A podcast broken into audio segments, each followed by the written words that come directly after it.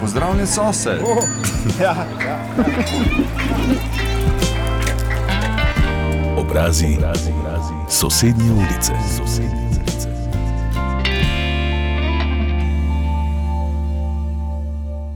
Dobr dan, začela se je oddaja Obrazi sosednje ulice, ki sem jo pripravila Irena Kodrič-Cizrl. Na moje vabilo se je prijazno odzval mlad mariborski pesnik Tom Weber, ki je tudi performer, vizualni umetnik, urednik in kulturni producent.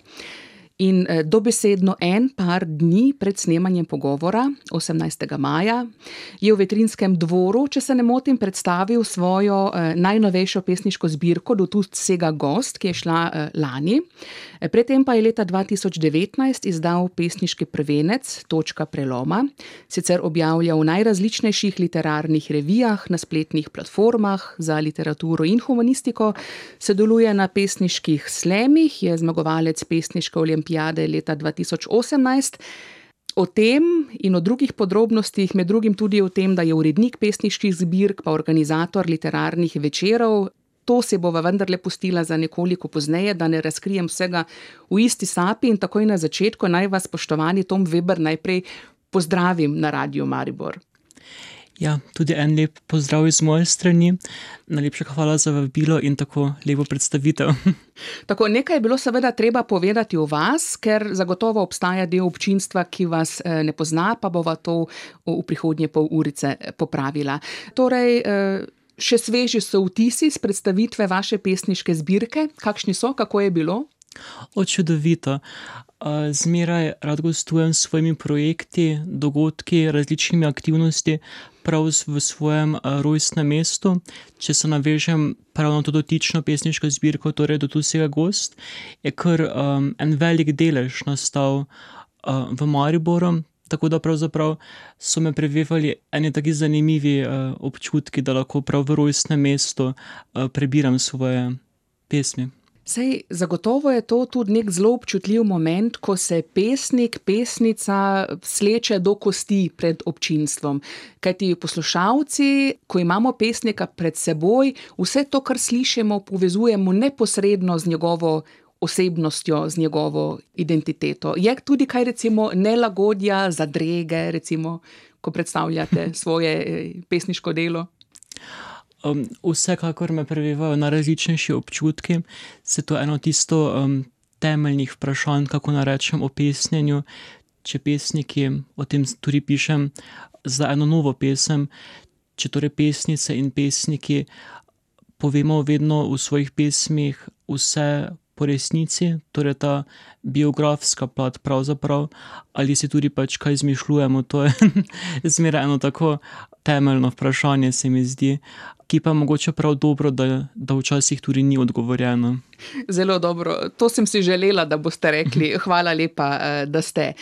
Našega gosta ste doslej lahko že eh, spoznali v redni petkovi vdaji o kulturi, kultura zdravja, umetnost lajša. Smo ga pa na današnji datum povabili s prav posebnim namenom. Smo namreč v pričakovanju junija, ki je tudi mesec podpore LGBTQ plus eh, skupnosti, to pomeni skupnosti, ki jo sestavljajo eh, geji, lezbike, biseksualci, transseksualci in kvir osebe, in pa tudi vsi tisti, ki ne spadajo v ta kratek opis oziroma v ta nabor eh, kratic. Obenem se pa bližajo tudi slovenski dnevi knjige v Mariboru, med 13. in 18. junijem bodo. In v okviru projekta Maribor skozi rožnata očala, ki deluje v sklopu Mladinskega kulturnega centra Maribor, bo tu aktiven tudi naš gost. In zdaj bova v naslednjih minutah eh, povezala, kot rečeno, podporo LGBTQ plus skupnosti in pa ljubezen do knjige. Tom, kako bova to naredila? Eh, res je, res je. Um, torej, kako naj rečem, pravzaprav že na prvi dan dogodka, torej 13. junija, bom v sklopu, tako kot ste. Uh, prej povedali v sklopu MKC Maribor, torej programa Maribor skozi rožnata očala in dneva knjige v Mariboru, bomo pravzaprav že četrtič uh, organizirali LGBTQ literarni večer, ki se bo zgodil ob 8. uri pred Ludkovnim gledališčem Maribor. Glavna gostja pa bo letos Nina Dragičevič, česar se izjemno veselim.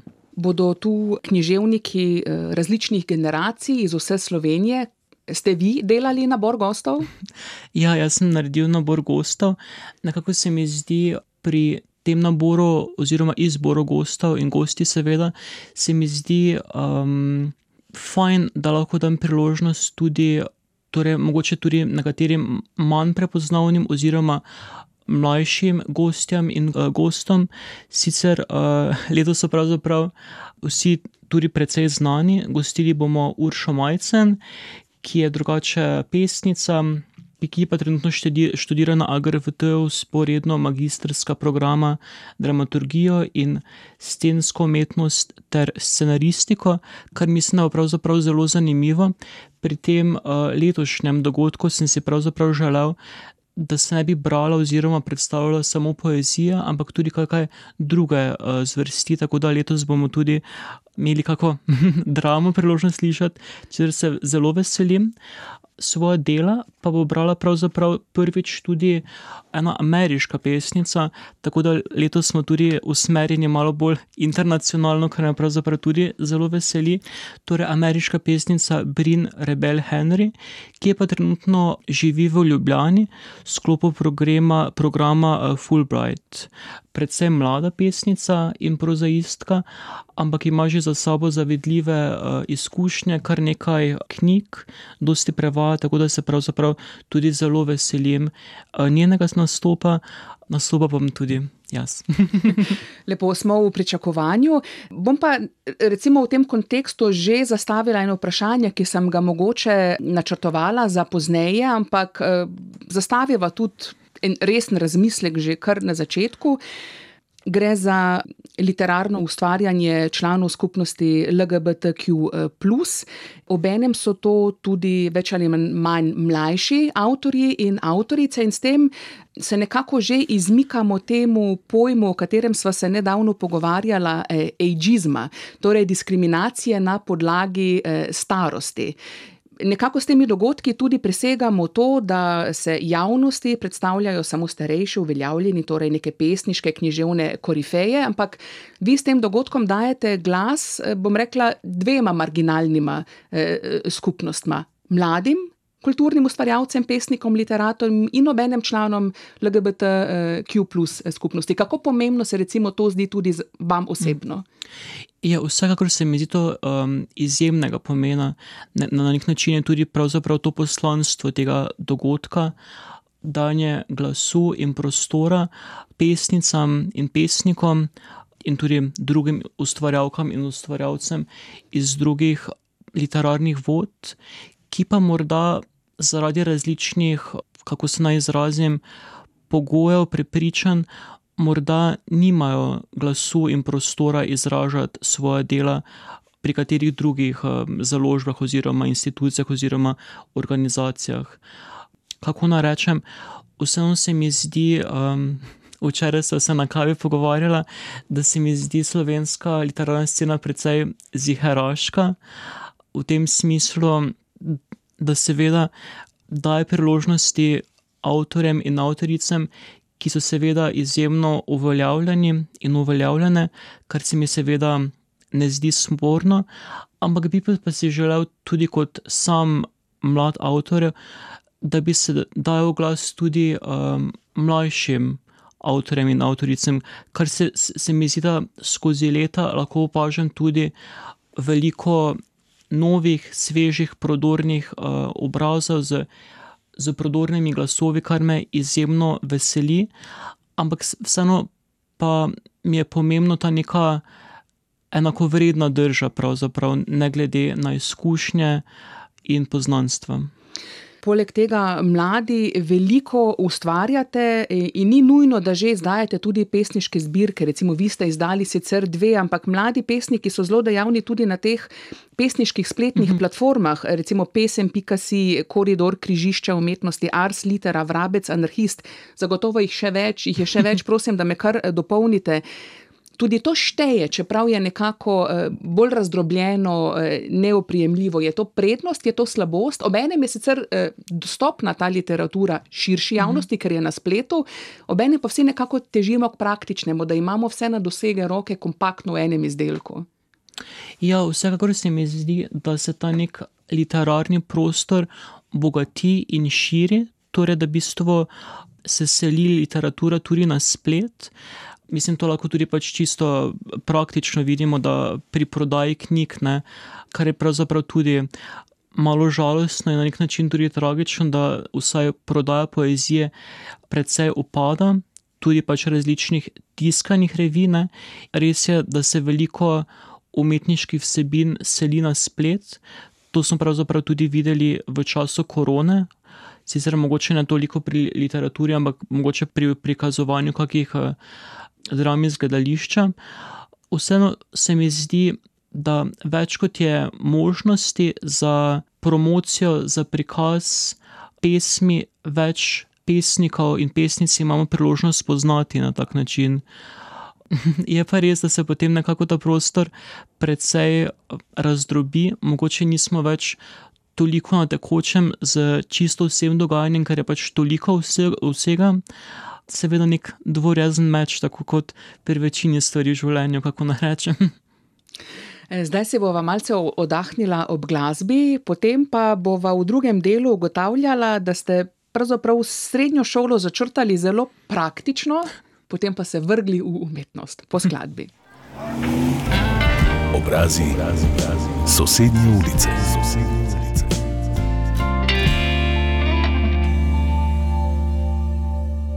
Tom Veber je naš gost, mariborski pesnik, če zelo zožim področje vašega delovanja, ampak zdaj v, v tem času ste predvsem pesnik, Tom, Ja, vsekakor. Tako. Ampak po osnovni šoli ste se pa vpisali v srednjo šolo za gostinstvo in turizem Maribor. To je, bom rekla, zelo precej praktična, poklicna usmeritev. Ne? In si kar predstavljam, da to ni bilo polje, ki bi vas zadržalo. Vas je bolj vleklo, ker ste bili tudi član English Student Theatra, pa gledališča Gnosi, speli ste v akademskem pevskem zboru Maribor, torej kultura takoj, umetnost takoj. Kultura tako, umetnost tako, tako kot ste rekli. Pravzaprav že v osnovni šoli sem bil izjemno dejaven, pel sem pri enem pevskem zboru, tako kot večina otrok v osnovni šoli. Ja, mislim, kako naj rečem, mogoče sem res malo pihnil v napačno smer z, z izborom te srednje šole. imam pa tudi kar pozitivne izkušnje s srednjo šolo za gostinstvo, turizem, ampak ja, v turizmu in v gostinstvu najverjetneje ne bom delal. Sicer me zanima v zadnjem času tudi neka ta interdisciplinarnost v v smislu povezovanja različnih polj, tako da morda kak kulturno, turistični projekt kdaj v prihodnosti.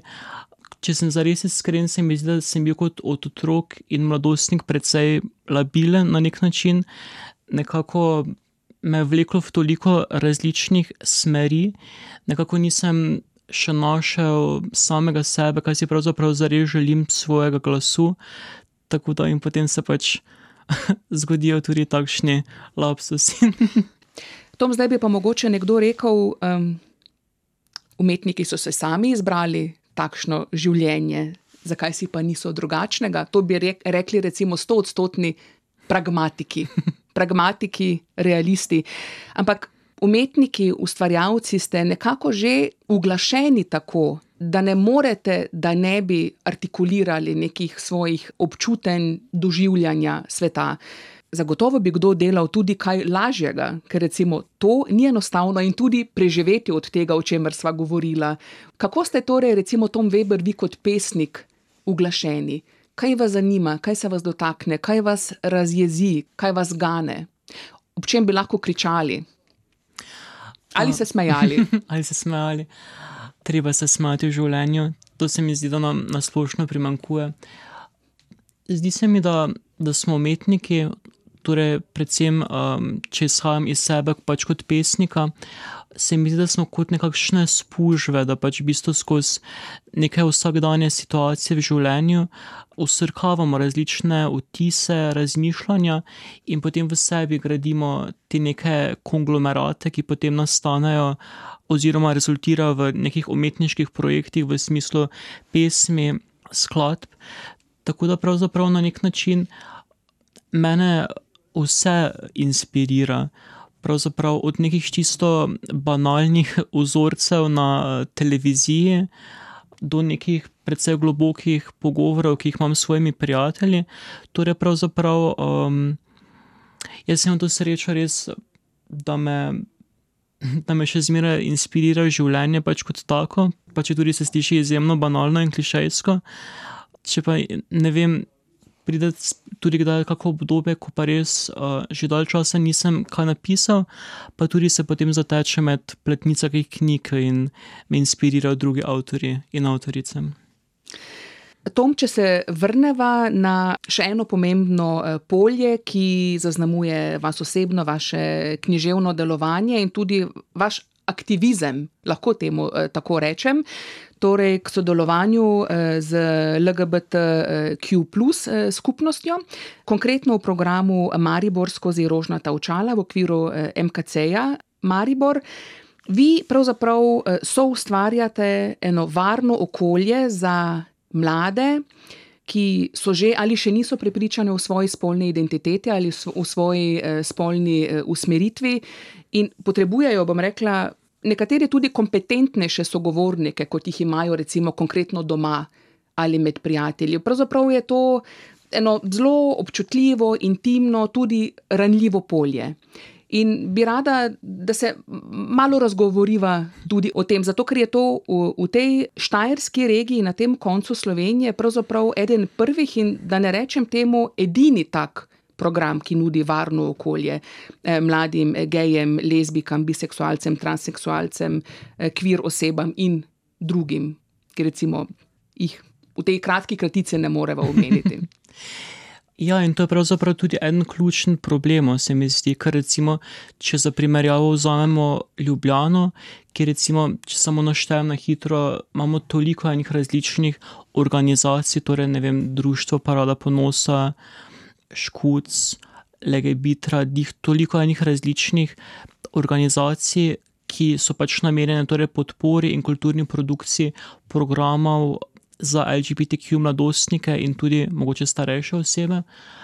Mi pa pravzaprav, zdi se mi, da Maribor skozi rožnata očala, glede na to, da pravzaprav ni neka samostojna organizacija, torej pravzaprav samo program MKC-ja, deluje izjemno kvalitetno in pridno. Tukaj moram res izpostaviti Doris Šporej, ki je pravzaprav koordinira ta program in torej tudi prostovoljce tega programa in različne torej slušatelje torej programov in aktivnosti, ki se izvajajo znotraj Maribora skozi rožnata očala. Ja, mislim, jaz sem izjemno hvaležen pravzaprav za ta program, ki se je izgradil, mislim, da nekje leta dva tisoč petnajst, dva tisoč šestnajst, in v tem letu je, je pravzaprav, tako kot sem rekel, glede na to, da je samo program MKC Maribora beležil toliko enih različnih uspehov in uspešno izvedenih projektov, dogodkov, če samo naštejem par, torej pred dvema letoma prva parada v Mariboru in tudi v lanskem letu. Potem sodelovanje z Dnevi knjige, izjemno uspešni literarni dogodki, filmski transformator, različne okrogle mize, različna podporna druženja, tako da res izjemno, izjemno bogata produkcija, se mi zdi, da zelo družbeno koristnih projektov, kar, kar seveda lahko samo podpiram in sem izjemno vesel, da se to dogaja prav v mojem rojstnem mestu. Še malce predaha si bova vzela in poslušala eno skladbo, potem pa se vrneva v eter. Obrazi sosednje ulice.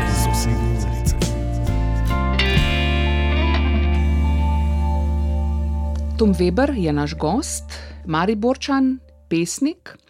Govorila sva v programu Maribor skozi rožnata očala in izkoristila bom priložnost in napovedala prihodnje srečanje podporne skupine LGBTQ plus. Namreč enkrat na mesec, a je šesti junij ponedeljek, Enkrat na mesec se skupina dobiva in prihodnjič je 6. junija. Prosim, pogledajte na koledar, spoštovani poslušalci, poslušalke, če drži ali je ponedeljek ali je torek. Želela bi, da malo tudi senzibilizirava eh, naše poslušalce, poslušalke, najno občinstvo. Zato, ker je biti član LGBTQ plus skupnosti eh, ni vedno enostavno. Treba se najprej znajti sam, ko se pač mlad človek ponavadi ga to spoznanje spreleti in se mora sam znajti v družbi. Potem je tu seveda odvisen od odziva eh, staršev, sorodnikov, širše družbe in to je eno bom rekla, tudi zelo ranljivo, zelo eh, naporno obdobje. Tudi zato deluje ta podporna skupina. In mladi so pogosto v veliki stiski, tudi starejši, ne pozabimo na nje. Kako bi recimo kaj opisali, še vedno žal govorimo o tem, kako družba, eh, intimnejša, ožja in širša, sprejema LGBTQ plus skupnost.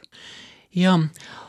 Vsekakor, če se navežem torej pač na situacijo v Sloveniji, torej živimo še zmeraj v izjemno heteronormativni družbi.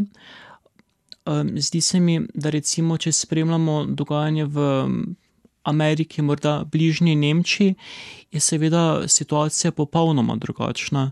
Torej, seveda so pač tam tudi aktivni različni programi za podporo LGBTQ skupnosti, je pa se, se mi zdi, da sam nek odnos do oseb, ki se identificirajo znotraj te oznake, popolnoma drugačen.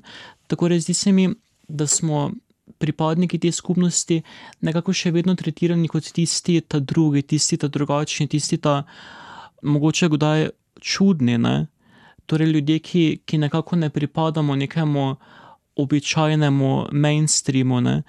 In zdi se mi, da sam odnos v katerih drugih državah pa pač malo drugačne. Zdi se mi, da, da tam ta neka heteronormativnost preprosto ne more obdržati na tak način, kot je pač tukaj.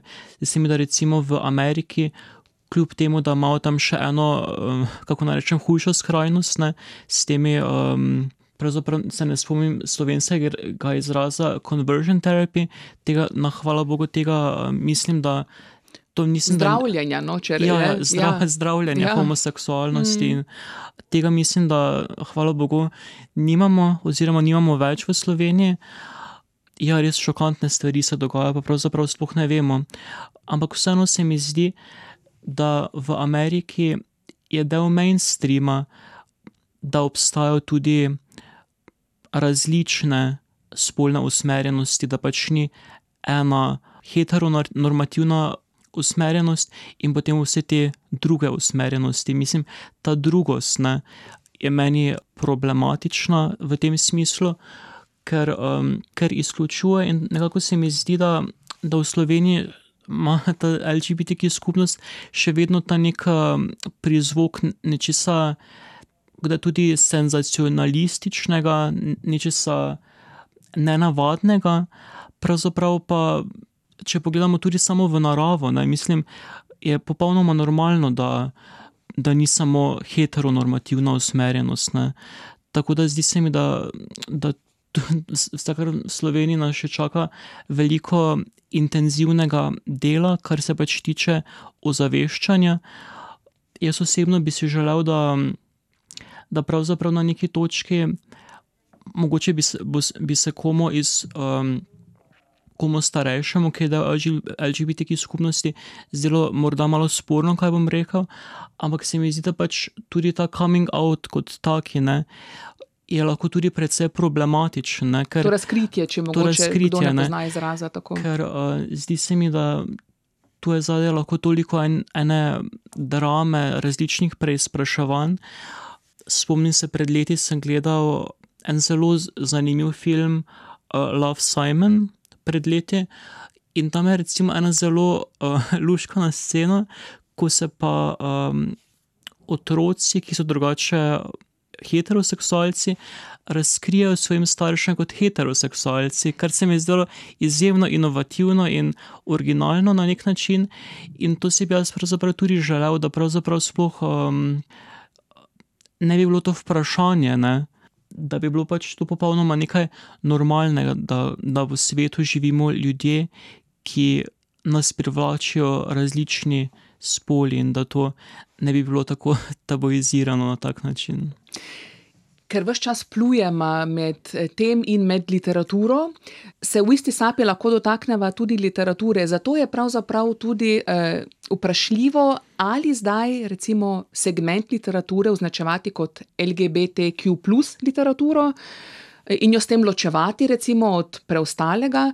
To je recimo, bom rekla, vprašljivo, je tudi problematično, ampak obenem pa recimo določene založbe, ki izdajajo recimo to vrstno literaturo oziroma literaturo avtorjev, pripadnikov, članov skupnosti, jim nudijo s tem tudi varen prostor za ustvarjanje, za izdajanje, izdajanje njihove literature. Kako bi Tom Tom Veber vi recimo pokomentirali ta fenomen, če mu tako rečemo? Fenomen.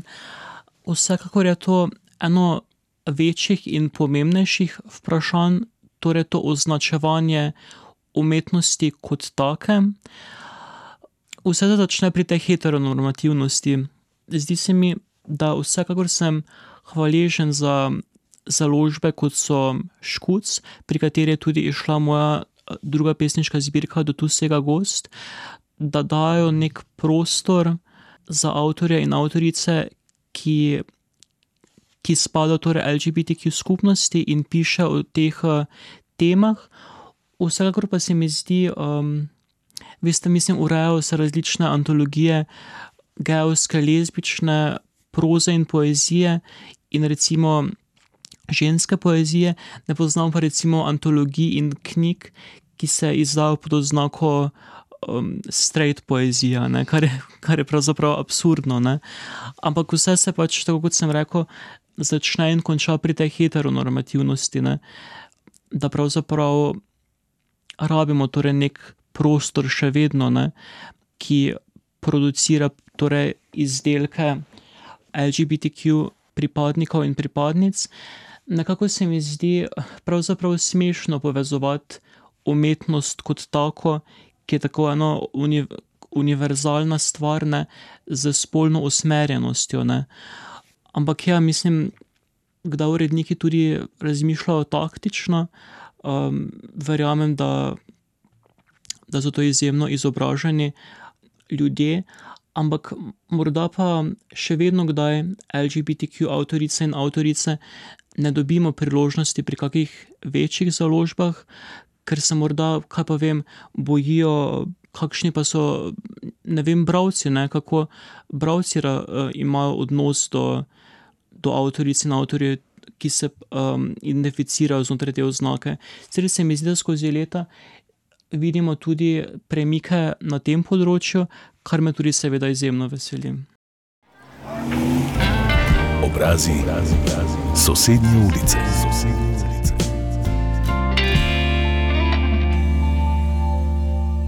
Spoštovani Tom, kako je prav in kako narobe govoriti, ko se obračamo na LGBTQ plus skupnost? Včasih nenamerno, ne vem, naredimo kak lapsus ali smo žaljivi ali se izrazimo neprimerno. Ampak se mi zdi, da je tudi tu treba ohraniti, bom rekla, ne vem, en vokabular dostojnosti in spoštovanja in bontona. Pa vas prosim, zdaj imam odlično priložnost, da slišimo iz prve roke. velja. Mislim, zdi se mi seveda to izrodoslovje izjemno pomembno, ker se mi zdi, da pravzaprav se včasih zgodi nenamerno, da, da smo žaljivi, ne. Pa pravzaprav tudi tega ne vemo, mislim, mogoče, če se zdaj navežem še na kako drugo marginalno skupnost, torej recimo na neki način so recimo temnopolti Američani v, v Ameriki, ne, so pravzaprav tudi, ne vem, če pravi izraz, pa smo tam, ne, občutljivi glede tega izrodoslovja, ne. Ampak recimo zdi se mi, da dostikrat beseda black je lahko že recimo žaljiva, ne.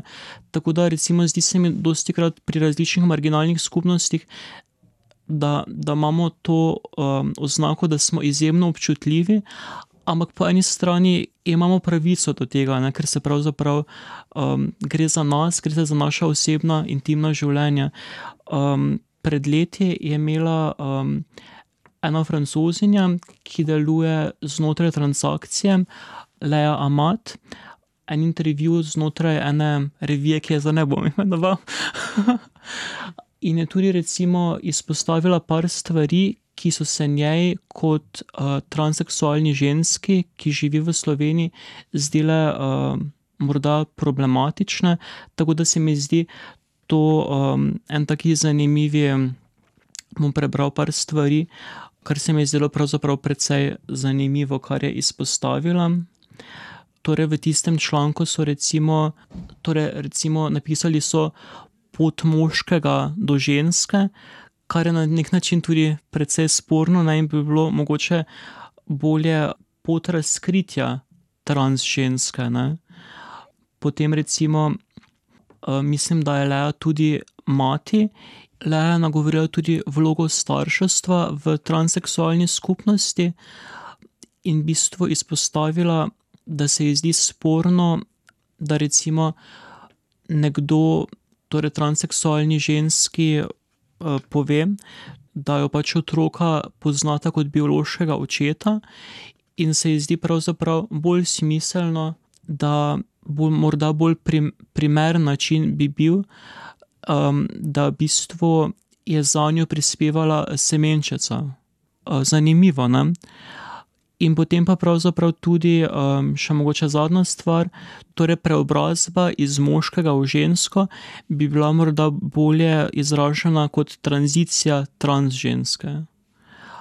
Mislim, jaz, jaz priznam, da tudi za mene so nekatere stvari precej na novo, ker vsaka, vsaka ta črka v tej LGBTQ kratici ima tudi neko svoje izrazoslovje, tako da jaz priznam, da nisem toliko vešč, kar se tiče nekega izrazoslovja znotraj trans skupnosti, ampak se mi zdi, da se prav pri tej trans skupnosti je toliko enih zablod in vprašanj, tako da se mi je zdelo to precej pomembno izpostaviti. Obrazi sosednje ulice.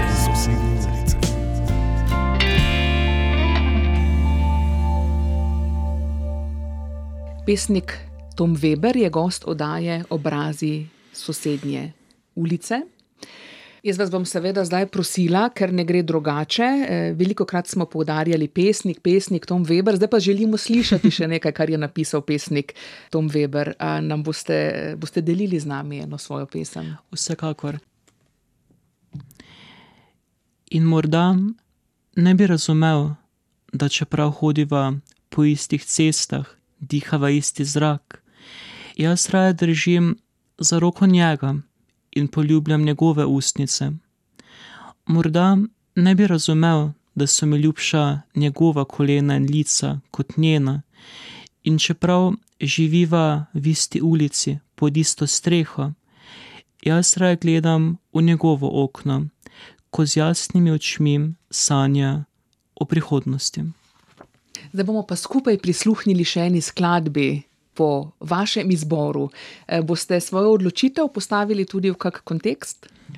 da. Jaz lahko rečem za sebe, da sem precej, kako naj rečem, nostalgičen človek. Torej v bistvu me navdihuje vse preteklo, vse, kar je že se zgodilo. Mi je pa pravzaprav zelo zanimivo, da pravzaprav dobra poezija, dobra umetnost v širšem pomenu ima tudi moč, da, da preko poslušanja, razmišljanja, videnja lahko pravzaprav občutimo neko dogajanje, neke ljudi, neke situacije, ki jih pravzaprav sami nismo doživeli, kar se mi zdi izjemno zanimivo. O tem sem tudi napisal eno pesem, da se pravzaprav počutim nostalgičen do nekaterih krajev, nekih dogodkov, ki pa jih seveda tudi zaradi moje mladosti nisem uspel, doživeti na tak način. In nekako so me pravzaprav tudi inspirirale različne umetniške stvaritve iz osemdesetih, torej različna glasba, filmska produkcija in še posebej mi je bila všeč pesem, ki sem jo pravzaprav komaj odkril med korono, ko sem imel malo več prostega časa. Torej, pesem um, Small Town Boy od tega britanskega synth-pop trija Bronski Beat, od katerih pravzaprav od te originalne zasedbe žal živi samo še um, Jimmy Somerville. Ja, in sem, in sem tako razmišljal, London v 80-ih, kako zanimivo. Ta v bistvu pesem in vsa ta, vsi ti filmi, ki so se nekako rojevali v 80-ih in glasba, je pravzaprav mi je, je bilo tudi neko tako sredstvo za mene, da sem prebrodil tudi neke temnejše čase. Verjetno nisem bil edini v tej epidemiji, torej ja, to je ta neka moja glasbena želja, ali kako naj rečem.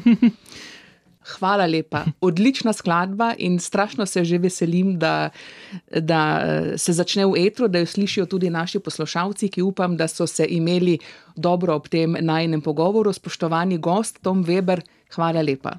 Hvala vam.